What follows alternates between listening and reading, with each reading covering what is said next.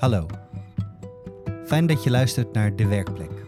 Een podcast van Etcetera, tijdschrift voor podiumkunsten. In deze podcast ga ik, Luc de Groen, samen met een van de auteurs van Etcetera langs bij een kunstenaar. Uit nieuwsgierigheid naar de plek waar makers werken en op ideeën broeden, bezoeken we een atelier, een thuis, een ruimte die inspireert. Deze aflevering bezoek ik samen met Sebastien Hendricks het atelier, de leefruimte, de werkplaats, het archief en zelfs de drukkerij van Jan Joris Lamers. Onderdeel van het collectief Maatschappij Discordia. Maar voor we dit gebouw, een oud pakhuis aan de grachten van Amsterdam, betreden, spreek ik Sebastien in de straten van Amsterdam. Ik ben heel benieuwd om, om terug te keren naar de, naar de plek waar ik denk ik 12 à 13 jaar geleden uh, ook al eens was. Uh, tijdens een nachtelijk bezoek met een stagiair van Discordia, Alexander Nieuwenhuis. En uh, ik heb een beetje schrik dat mijn verbeelding, mijn herinnering van de plek de realiteit zal overtreffen. Dus dat ik teleurgesteld zal zijn. Want hoe herinner je je de plek? Het was donker, maar het was ook s'nachts. Uh, maar ik herinner mij niet veel ramen. Heel veel boeken, stof. Uh, een drukpers waar affiches werden gedrukt. Uh, alles een beetje kriskras door elkaar. Veel meubels, ja, een beetje de, de, de typische Discordia-atmosfeer. Um, Hoe zou je die omschrijven? stoffig, antiek um, en tegelijkertijd fris en, en spannend. Ja. Hoe zou je de, de stijl of het werk van Discordia omschrijven? Oeh. Dat is een moeilijke vraag, omdat een werk heel veelvormig is. Er zijn, er zijn stukken gebaseerd op repertoire, er zijn stukken die, die collages zijn van teksten. er zijn zelfs woordeloze stukken. Um, ze, zijn, ze zijn altijd een, lichtjes ironisch, of vaak lichtjes ironisch. Um, er wordt. Um, er is een heel precieze. Uh, er zijn heel precieze stijlkeuzes. er is een, een, grote aandacht, een oog voor materialiteit. verweerd hout, specifieke kostuums. Eh, vaak werken ze met... Uh, of ze hebben toch een periode gehad, de mensen, waar heel dure kostuums werden gebruikt. Dus er is een, een, een heel scherp esthetisch oog. En, um, heb je nog een voorstelling of een moment uit een voorstelling van hun die je nog heel erg bijstaat? Of die je heel mooi of bijzonder vond? De laatste voor... Ik heb eigenlijk... Ik heb in die, ik denk, ja, dikke 15 jaar dat ik heel vaak naar theater ga, heb ik eigenlijk niet zo heel veel gezien, maar zo af en toe, uh, doorheen die 15 jaar wel, wel, wel een voorstelling. En de laatste voorstelling die ik zag was een, een van de Weiblicher akten. Dus dat is een, een voorstelling waarbij dat ze een repertoire stuk vanuit een feministisch perspectief um, deconstrueren of in vraag stellen. Dus ze spelen het, maar ze zijn het tegelijkertijd ook aan het becommentariëren. Uh, en waar Jan Joris Lamers uh, als man in die voorstelling tenminste een, een heel grappige bijrol speelde. Ik denk dat hij misschien maar een paar minuten te zien was op de scène. Um, ik herinner mij ook nog een, een, woordeloze voorstelling waar het eigenlijk een samenwerking was tussen Discordia, maar ook met andere groepen. Hè. De, ze hebben vaak samengewerkt met Nederlandse en Vlaamse groepen. En die voorstelling noemde Onomatopee. En dat is al een hele tijd geleden.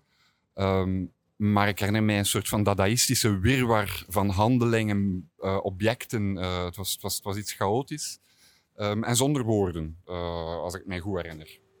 En um, waar, waar ben je benieuwd naar bij Jan Joris Lamers? Waar, wat, wat, wat wil je van hem te weten komen? Ik ben vooral heel benieuwd. Ik ben zelf dramaturg.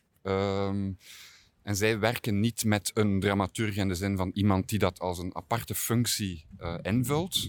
Maar zij werken natuurlijk, alles wat zij doen, heeft te maken met dramaturgie. Dus ik ben heel benieuwd om een klein beetje uh, door te spreken over het atelier en wat zich daar allemaal uh, voordoet. Een beetje zicht te krijgen op het, het werk achter de schermen. Oké, okay, laten we aanbellen. Hallo. We zijn te vroeg. Mag het zonder mondkapje? Zeker. Hallo. Hallo, hallo. Oh, het is lekker koel hier. Eerst krijgen we van Jan Joris Lamers een rondleiding door het gebouw.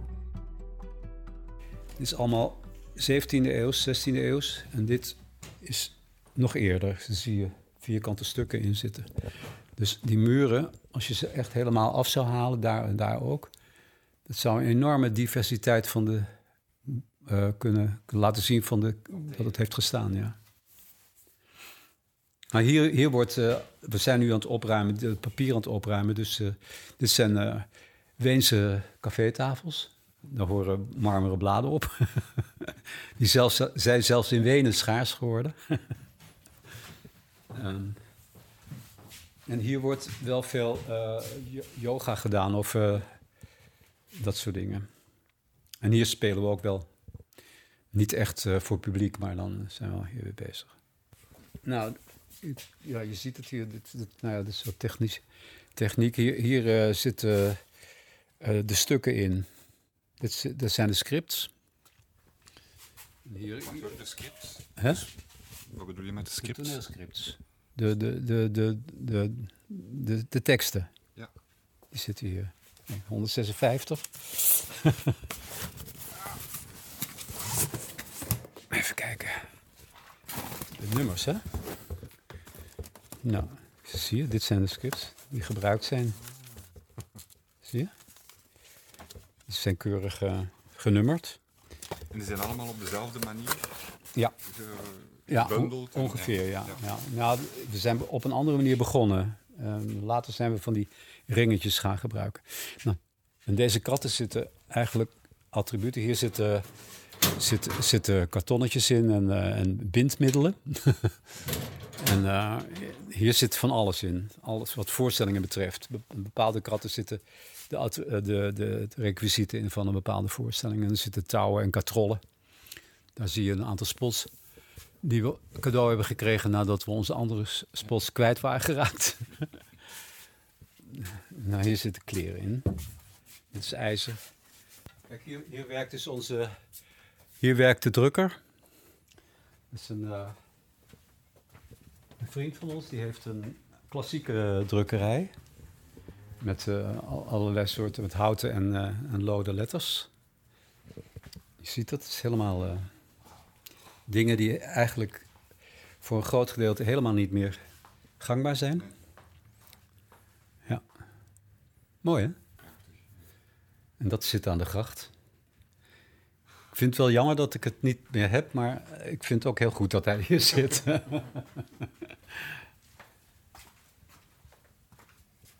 Nou, dit, dit, is bijvoorbeeld dit is het droogrek. Dus op het moment dat we papier verven, je hier de bak waarin de kleur komt. En dan wordt het papier uh, op, het, op, het, op het, de tafel die hier staat geverfd. En dan wordt, kijk, je, je kunt dat drogen. Dus de, als je dat rek omhoog doet, kun je hier de vellen opleggen. En dan leg je hier de volgende vellen op. En daar worden dan die doeken, doeken van gelijmd. Dat is eigenlijk een hele vreemde hobby. We zijn daarmee begonnen en eigenlijk aan verslaafd geraakt. Want je kunt daar heel veel mee. Dus je ziet dus, je, je ziet in de eerste instantie eigenlijk niet eens dat papier is. Het wordt onstoffelijk. Maar het is geen, begrijp je, het is materiaal. En hier zit ook, dit is, hierboven is allemaal kostuums, hè? Deze twee rijen. En ook die kasten zitten vol met kostuums. Kijk, dit is een stukje van de stoelen die er nog zijn. ja, en de boeken. Ja. zijn vooral beeldende kunstboeken. Veel beeldende kunst, ja. Nou, 19e eeuw. Een collectie 19e eeuwse literatuur. In, in, in, uh, in zijn originele hier. Dat. Maar dat zijn rare dingen, die, die komen soms naar ons toe. Bepaalde collecties die ik dan bij, van iemand krijg of, of, of koop. En uh, die, dan opeens, ja, die je dan opeens wel gebruikt, of niet. Dat is moeilijk bij boeken, hè. Het wordt heel veel en een groot gedeelte blijft natuurlijk ongebruikt. Ja. Nou, dit, dit, is het ijzer wat we heel veel gebruiken. Dat wordt, wordt in heel veel voorstellingen gebruikt. Dat zijn onzichtbare meubelen, zou je kunnen zeggen. Die zet je ergens neer, niemand die dat ooit ziet. Dus, maar je kunt er wel van alles opleggen. Dat is echt heel praktisch. eh. Nou, zullen we even naar boven gaan? Kun je boven kijken. In deze kasten zitten de affiches, de grafiek. En dan hier in, de dozen, zit- in deze dozen eh, zitten video- en geluidsbanden. Ehm, daar zitten ook nog wel kleren en allerlei andere dingen bij. En, en heel veel objecten. Maar dat, eh, en dit is eigenlijk, en hierboven in de dozen, zoals beneden ook, dat is het archief. En ook scripts. Nou, allerlei soorten dingen, allerlei verzamelingen. Eh, maar ook, ja, ook, ook dingen die helemaal niet meer bestaan. Dat recorder, MD, dus dat soort dingen. Geluidsopnames zijn dat. Hier zijn toch ook veel verschillende ehm, technologieën en tijden die hier ook samenkomen. toch? Jazeker, ja, ja, natuurlijk, ja. Ik zie hier een oude Mac. eh, ja, nou, dit zijn ook eh, hele rare Macs. machines. Ja. maar hier, kijk, hier zie je het ook, hè. Je ziet alle... Dit is nog een oude... Dit is ook een oude Brown, zie je? Eh, ja, alle mogelijkheden. Iets wat, wat je natuurlijk nooit meer gebruikt. Het is volkomen onbegrijpelijk dat je dat... Al, als je het zo af en toe bekijkt, denk ik bij mezelf, hoe kan dat nou? Er zijn allerlei kleine apparaatjes die zijn blijven bestaan. Deze bijvoorbeeld. Een soort informatieapparaat was dat. Een soort van Data Discman heet het. Ja, Data Discman. Ongelooflijk. Ja.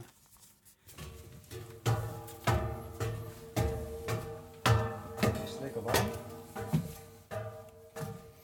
Nou, dit is de, de, de, de, verga- waar mensen zich terugtrekken. Ik ga even naar boven. En die, ehm, dit werk hier, Dat zijn collages. Ja. die jij hebt gemaakt? Ja, samen met iemand anders, ja. Maar heel snel. Dus eh, gewoon in, eh, in, in, een- in twee middagen of zo hebben we er een stuk of honderd gemaakt. Eh, omdat we ergens een etalage moesten vullen. Toen was de tentoonstelling niet doorgegaan. En dus een andere jongen is een beeldende kunstenaar. En toen zei nou, we gaan gewoon collages maken. Denken we er gewoon helemaal niet bij na. Dit is het. En er zijn best een paar aardige bij.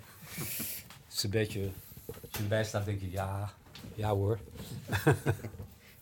maar in die etalages naast elkaar, in een heel smal straatje, deden ze het best goed. Ja. Nou, hier is een gedeelte van de kleren. Ja.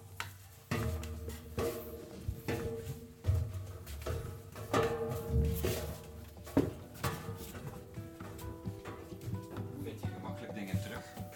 Hè? Vind je gemakkelijk dingen terug? Me- ja, ja, de meeste dingen weet ik wel waar ze zijn.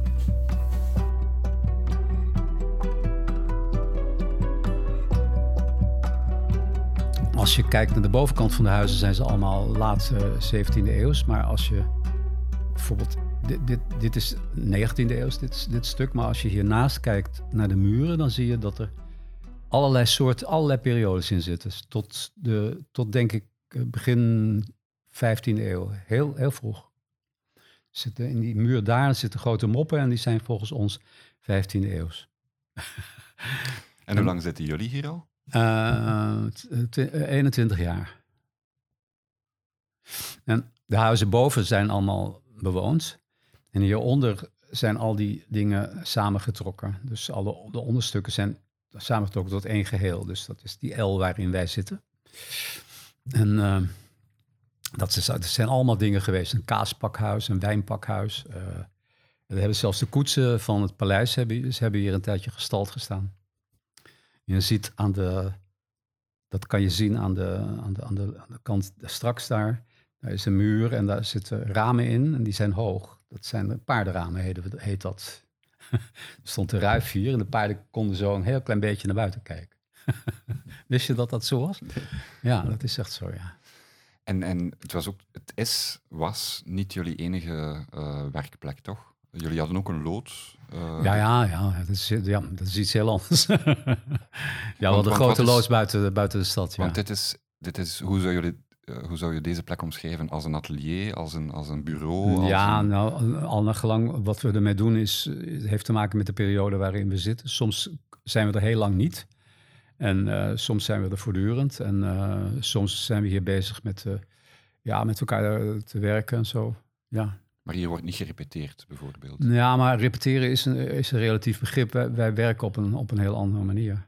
Dus we doen soms vijf, zes maanden over een stuk. En dan, dan gaat het over het feit dat je materiaal neemt. Eh, Dus stel je voor dat we een stuk nemen, dan is het meestal zo dat dat eh, stuk helemaal wordt geanalyseerd. Dat we van alle dingen bij, bij lezen.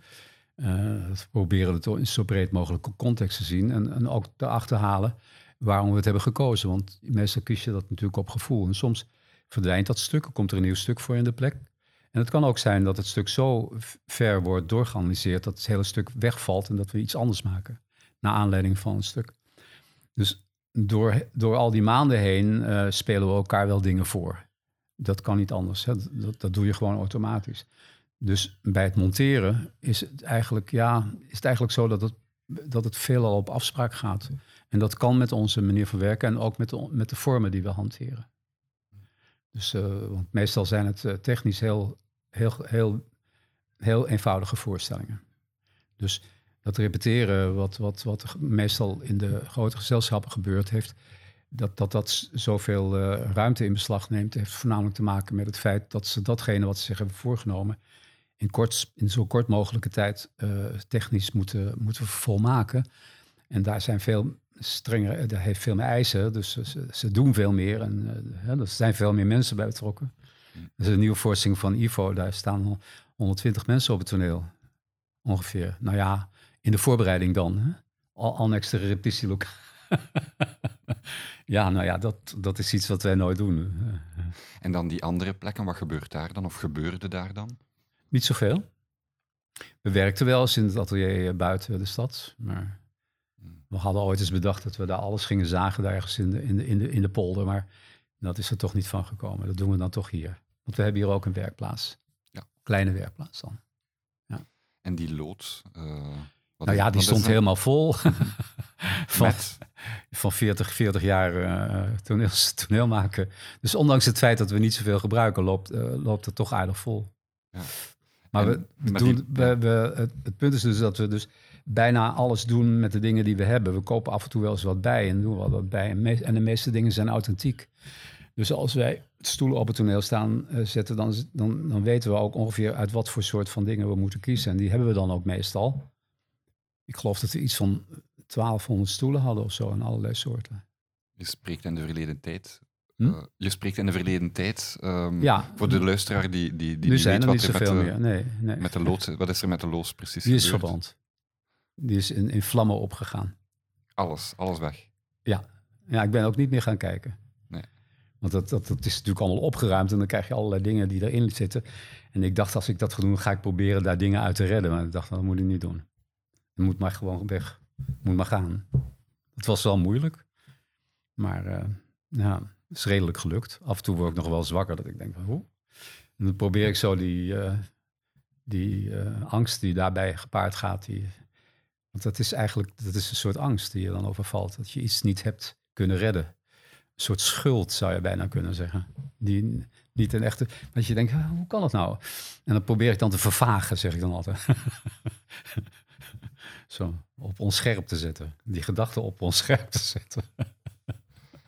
Als er één voorwerp zou zijn dat je zou kunnen terughalen uit de brand, eh, is er één specifiek voorwerp waar je aan denkt? Nou, dat, weet, dat zou ik niet weten. Dat, dat, dat wisselt gewoon. Er zijn dingen bij waar je, waar je ja, ja, er zijn dingen die je, die je mooi vindt of bijzonder vindt en die zijn dan weg. Ik weet het niet. Ik, eh, ik, ik weet het niet. Het is net, net zo goed als vragen aan iemand, wat is nou je meest favoriete schrijver? Dat zou ik ook gewoon geen antwoord op hebben. Nee. Die vraag gaan we dus niet stellen. Hm? Die vraag gaan we dus niet stellen. Nee. Ehm, En, en het gaat dan, het gaat bij, bijvoorbeeld bij bepaalde dingen gaat het in het gesprek meestal over de waarde. Maar ja, dat, dat is natuurlijk onzin. Dat is, dingen hebben eigenlijk geen waarde. Dat wordt, er wordt met dingen gehandeld, maar hè, wat heeft de schilderij nou voor waarde? En Da Vinci heeft eigenlijk ook geen waarde. Het is alleen maar wat je erin ziet. Het is, het is de geschiedenis die je betaalt bepaalt. eh. En dat is natuurlijk bij toneel ook. Bij, toneel verdwijnt ongeveer alles. Hè, dus dan heb je misschien wel die stoelen, die tafel en die dingen nodig. Maar verder is het weg. Dus het leeft in je herinnering en dat is de waarde ervan. En die, maar dat kan je helaas niet verkopen. Je kunt dat schilderij nog verkopen. ja, en dat kun je tot middelpunt van een bepaalde economie maken. Maar dat, dat is bij de toneel niet mogelijk. Hoe zou je de, eh, als het gaat over licht, over eh, grafische vormgeving, over, over kostuums, hoe verhouden die, die elementen zich tot mode? Ja, direct. Ja.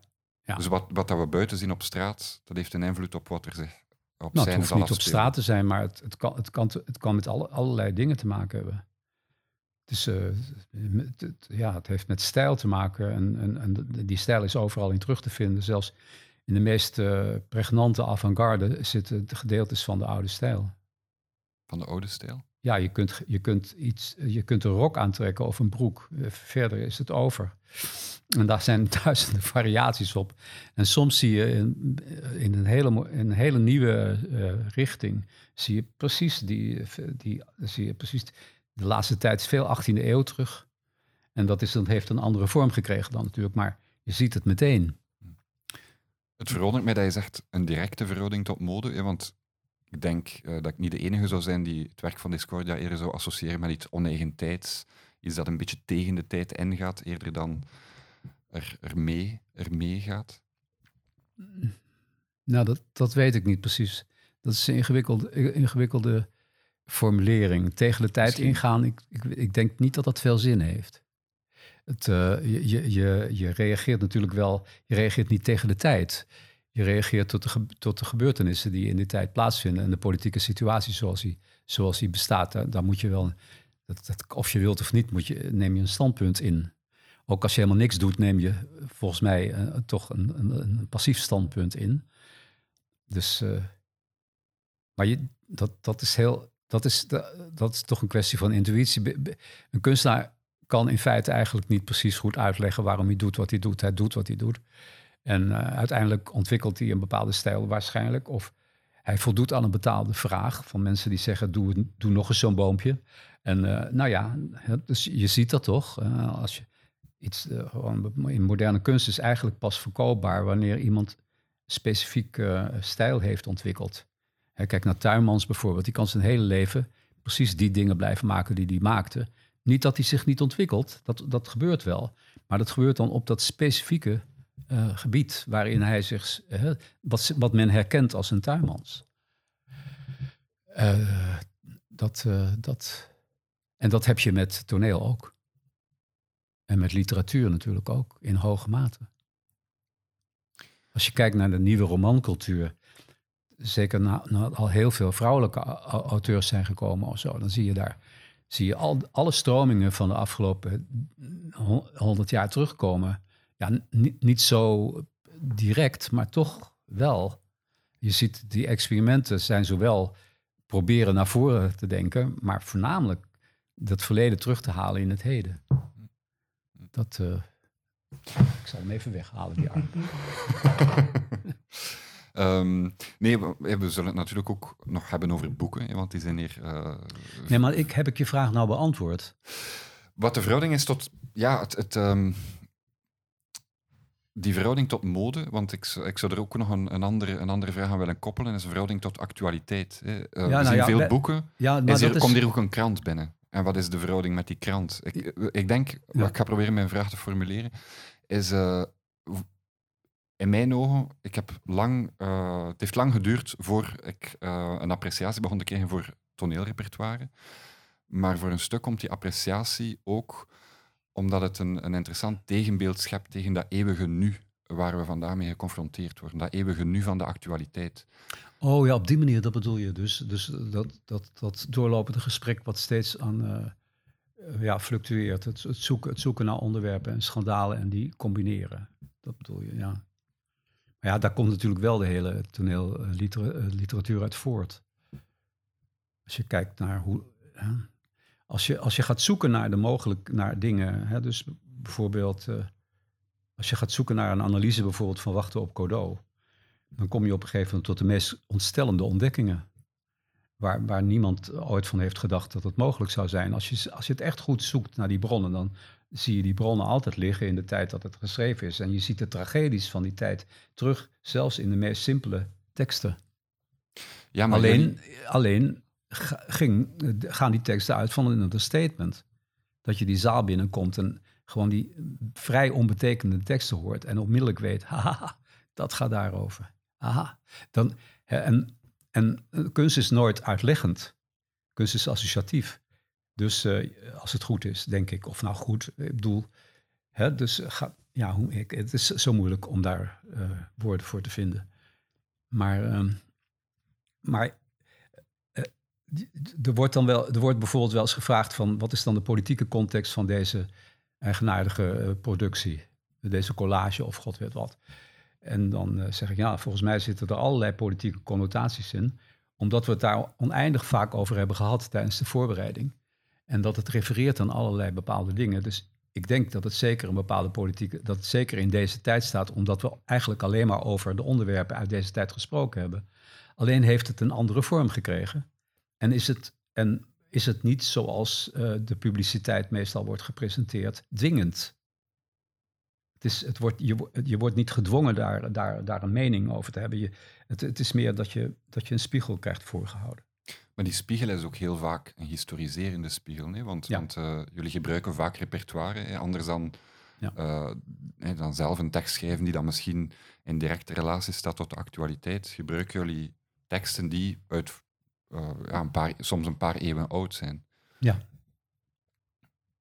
Dus heel vaak gaat het gesprek dan waarschijnlijk over dat gat tussen Maar het is soms tijd. vaak helemaal niet nodig om één letter te veranderen. Ik herinner dat er ooit een keer Ibsen speelde en eh, toen was er iemand die eh, dat speelde. We speelden dat wel vrij snel.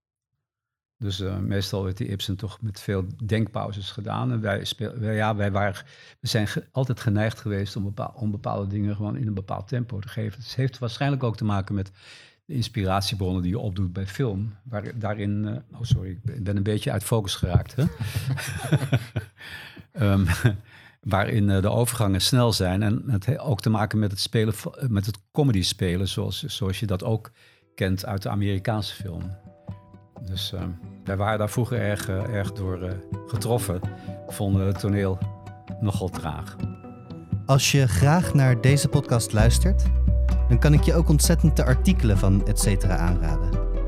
En voor deze podcast in het bijzonder zelfs een heel nummer. Een hele editie van tijdschrift Etcetera. Namelijk Re Re Re Repertoire. Nummer 163. Waarin op allerlei manieren, vanuit allerlei perspectieven het idee, het, het concept repertoire wordt benaderd. Met artikelen als Roof met wederzijdse toestemming, Het brandende geheim van het archief en Schaf de kanon gewoon af. Je vindt de link zoals gewoonlijk in de show notes. Goed, terug naar het gesprek. Zou je ons kunnen een, een soort van overzicht geven van wat er ongeveer in de bibliotheek zit? Ik vermoed veel toneelliteratuur. Ja, ja, er zit veel, veel filosofie ook, hè? Ja. Maar ja, ook veel poëzie. Vooral Maar- Nederlandstalig. Maar het is niet alleen deze bibliotheek, hè, want iedereen heeft thuis ook zijn bibliotheek natuurlijk. Hè? Een gedeelte van mijn eigen bibliotheek staat hier ook. Ik weinig ruimte. heb. Ehm, Waar liggen de grenzen van die collectieve bibliotheek? In tijd en in ruimte zijn er bepaalde periodes of bepaalde gebieden die helemaal niet eh, gerepresenteerd zijn in de, in de bibliotheek van Discordia. Ja, ja wa- waarschijn- waarschijnlijk heel veel literatuur die we niet kunnen lezen, omdat we niet in vertaling kunnen lezen. Maar ik denk dat we toch wel vrij breed geïnteresseerd zijn. Ik geloof, ik geloof niet dat er echt dingen gemist worden. Het rare is dat ik denk dat we eigenlijk meer op de hoogte zijn van romancultuur dan eh, van de toneelcultuur. Dus bijvoorbeeld eh, eh, modern, modern Engels en, en, Amerikaans repertoire, daar, dat, dat lees ik niet zo frequent. Ik lees dat pas op het moment dat ik denk, hé, hey, dat is, oh, die zijn ze dat dan doen. Maar dat volg ik dus eigenlijk niet. Gek is dat, hè? Duitse repertoire volg ik dus eigenlijk beter. En ook het Franse repertoire, dat gaat wel. Maar ja, in het Italiaanse vind ik 1, 2, 3 dingen en zo. En, en als je verder gaat over Polen en zo, dan ken ik wel de klassieke auteurs. Maar de, de dingen die op dit moment geschreven worden, dat is... En dat is ook wel vrij moeilijk hoor. Uh, er wordt heel erg veel geproduceerd. En uh, soms komt het wel naar boven, maar, maar niet meteen. Waar ben je op dit ogenblik aan het lezen? We zijn nu Reinders aan het spelen. Dat een stuk wat we hebben laten schrijven. En een stuk wat, wat, wat, wat, wat we hadden aangeboden. Dat stuk wat we aangeboden, dat spelen we nu. En het stuk we hebben laten schrijven, spelen we binnenkort. Maar we zijn ook bezig met Multatuli, omdat het Multatuli-jaar geweest is. Maar daar hebben we eigenlijk niets in kunnen doen, want er werd niet gespeeld. En uh, dus Multatuli. En, uh, en we maken een stuk wat gebaseerd is op de ideeën van Peter Sloterdijk. Um, of in de literatuur. En dan zijn er gewoon een paar, twee of drie uh, klassieke teksten waarvan denken, misschien moeten we dat weer eens terughalen.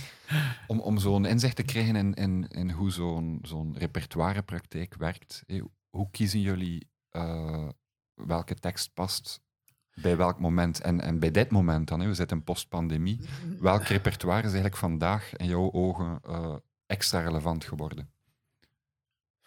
Nou, in ieder geval, in ieder geval inderdaad een repertoire, een beetje in de richting van wat je net uh, suggereerde, een repertoire wat, wat, niet, wat niet direct aan de actualiteit uh, hangt. Omdat het gevaar bestaat dat je dat, dat, je dat dan door, uh, dat, je dat, dat, je dan, dat je dat bagatelliseert. Of, of, of in feite behandelt op een manier. waar, waar, ja, nou, bagatelliseert in feite. of, of cynisch wordt vanwege de dingen die gebeuren die je niet aan kan of zo. Of, dus je moet, als het ergens over gaat, moet je het in feite zo min mogelijk direct over politiek en over uh, actuele.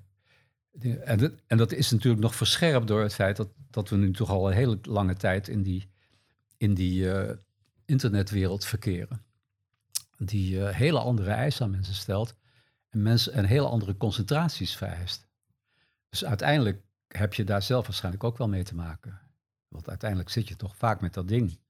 En ik lees mijn boeken op de iPad bijvoorbeeld. Over het algemeen. Maar, maar ja, goed. Ik probeer mezelf dan echt toe te concentreren en niet te veel te onderbreken. Maar je zit er wel in, dat kun je niet ontkennen. Denk je dat, dat die, die kortere concentratieboog van vele toeschouwers een, grote impact heeft op theater? Nee, dat denk ik niet. Want ik denk de impact van de concentratie van mensen is toch altijd al heel kort. Je weet dus dat als mensen in een zaal zitten te kijken, dat ze twee, drie minuten, uh, twee, drie, vier minuten hebben. Waarin ze zich echt kunnen concentreren. Daar moet je je op richten. Dat, dat, er, dat er momenten zijn dat, dat je je concentreert. En dat is niet zo lang. Daarna uh, gaat het weg en komt het weer terug. Dat is uitgebreid onderzocht. Dat, dat, dat, dat, daar hou je niet altijd exact rekening mee. Maar je probeert dat te matchen met de zaal.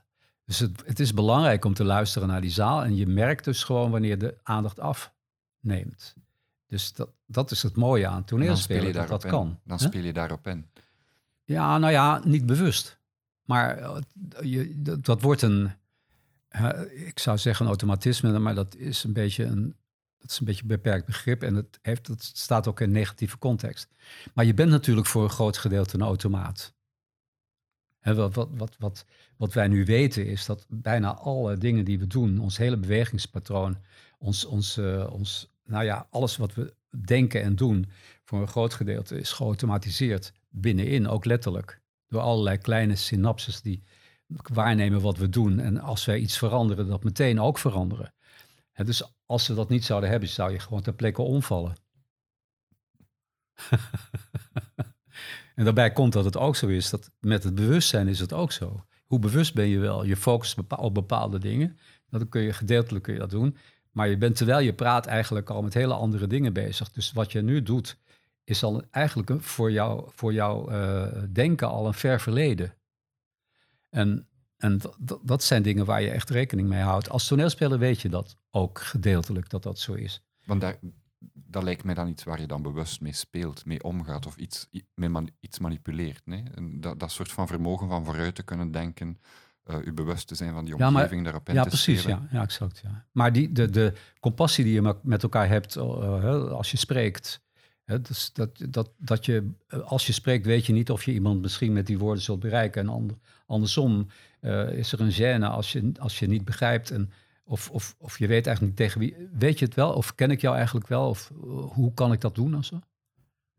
En, en het gaat er dus om, als je een verhoogde concentratie hebt, het is nog veel gevaarlijker. Want dat, ik weet niet wie dat ooit zei, een beroemde neuroloog, die zei van het is onvoorstelbaar gevaarlijk om mensen te bewust te laten zijn van de toestand waarin ze verkeren. Als ze dat zouden doen, bij wijze van spreken, als, dat, als die hersenen meer dan, dan, van, dan 10 tot, tot 15 procent aanwezig zijn, en dan ben je eigenlijk al goed bezig. Maar stel je voor dat er 55 procent zou zijn, of 65, dan zou je niet verder komen dan de deur. Dat je niet meer zou kunnen focussen, omdat er veel te veel... Het zou zoveel indrukken krijgen, die je zou, die, dat je zou neervallen. Je zou waarschijnlijk niet meer zijn, zei hij. Maar zouden we dan dat is natuurlijk theorie. Hm. En eh, je kunt dat niet bewijzen, want wij kunnen dat niet. Dus net zo goed als, bij het, als het DNA voor een groot gedeelte ongevuld is, eindeloos veel vakjes waar helemaal niks in zit. zo zit dat bij de dingen.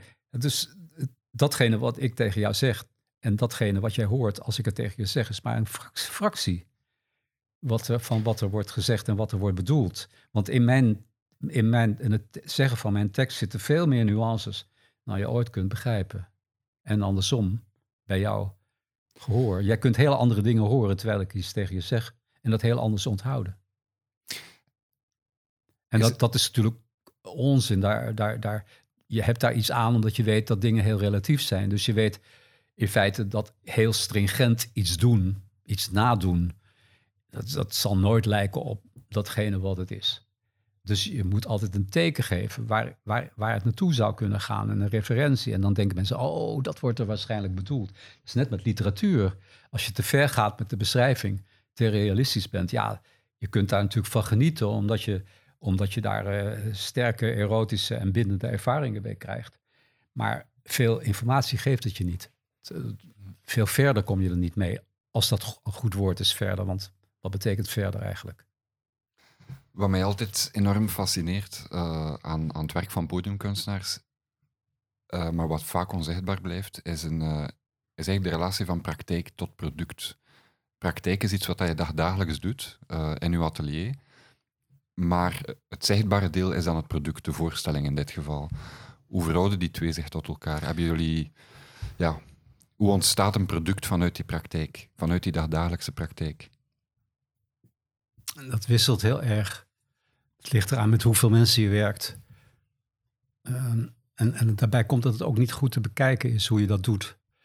Dus uh, als, er, uh, als er mensen bijkomen, bijvoorbeeld, hebben ze soms hele andere, andere ritmes en een andere methode. En dan passen we ons gewoon aan. Dus dan, dan, maar over het algemeen, als je een hele lange tijd met dingen bezig bent, vraag je je dus niet af waar de, waar de productie begint. Dat, dat, dat, weet je, dat weet je eigenlijk niet. Maar we, het rare is, het, we, we, hebben het ook. Het gaat om het maken eigenlijk. En het gaat niet zozeer om het resultaat. Dat mag vreemd klinken, maar dat is, dat, dat is dus echt zo. Dus het, datgene wat je ziet is een voorlopig resultaat. Een soort aantekening die je hebt gemaakt en waar, waarmee je iets hebt uh, gesuggereerd in feite. Hebben jullie dagelijkse praktijk in het atelier en de, in de zaal? Jullie repeteren, jullie praten over de voorstelling plots komt daar een publiek bij. Um, ja. Wat verschuift er, wat verschilt er? Ach ja, van alles. Ja, dus dat is, maar dat is altijd zo. Op het moment dat je opkomt, dan denk je bij jezelf: Oh, is het dat? Soms ben je teleurgesteld dat je denkt: Hè? Ja, hè? Oh, luister, oh. Soms klopt het. Dat weet je. Dan denk je, word je daar onmiddellijk in bevestigd. En dan, maar het product is eigenlijk op het moment dat je het gaat spelen voor publiek dan is, dan is het pas duidelijk wat je hebt gemaakt. Een, een laatste vraag. Ehm, als je zo terugblikt hm? op, als je terugblikt op je oeuvre, ehm, welk beeld schiet er dan in je hoofd? Is het een spiraal die zich uitbreidt? Is het een, een, uh, een middelpunt zoekende spiraal? Of is er een heel ander beeld dat die evolutie van dat oeuvre zou kunnen omschrijven? Nee, nee, het is, het is, een, het is, een, het is een opeenvolging van, uh, van uh, milieus waar je in verkeert. Dus uh, Ook, al, ook als het is, het is de groep die verandert. Het is, het is, de, de, het is de, de stukken die je speelt die een andere kleuren geven. De periode, de tijd waarin het verkeerd en het publiek wat verandert. Het is eigenlijk een, een constante wisseling van milieu, zou je kunnen zeggen. Maar er is ook iets dat opbouwt. En dan moet je ook wel, daar moet je toe bereid zijn, want je, je leeft natuurlijk gewoon in het dagdagelijkse, zoals dat heet. Ook al kijk je nog zo ver terug of probeert heel ver vooruit te kijken. Dat.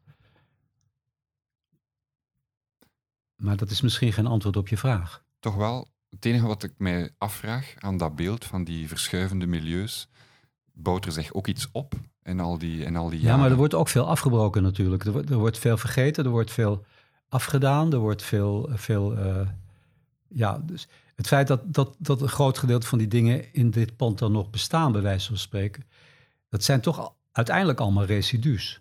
Je weet echt absoluut niet of je dit allemaal wel, wel nodig hebt. Waarschijnlijk niet, het grootste gedeelte niet. Dus ook als dat grote pakhuis in vlammen opgaat, is dat ook min of meer een bevrijding.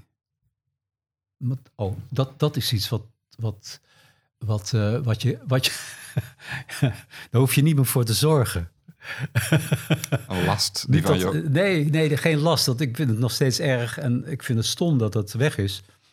Maar uh, er zijn ook dingen verbrand waarvan ik denk, nou, het is echt idioot dat dat verbrand is. Echt uh, meubilair waarvan ik denk, dat is volledig onvervangbaar. Hoe kan dat nou dat dat weg is? Dat, dat mag niet eigenlijk. Huh? Want je bent natuurlijk toch ook museum iemand, een man. Hè? Dus als je, als je repertoire maakt en houdt, dan, dan, dan, dan, dan ben je bezig met, uh, uh, met conserveren en vertoonbaar houden, terughalen, opnieuw vertonen enzovoorts.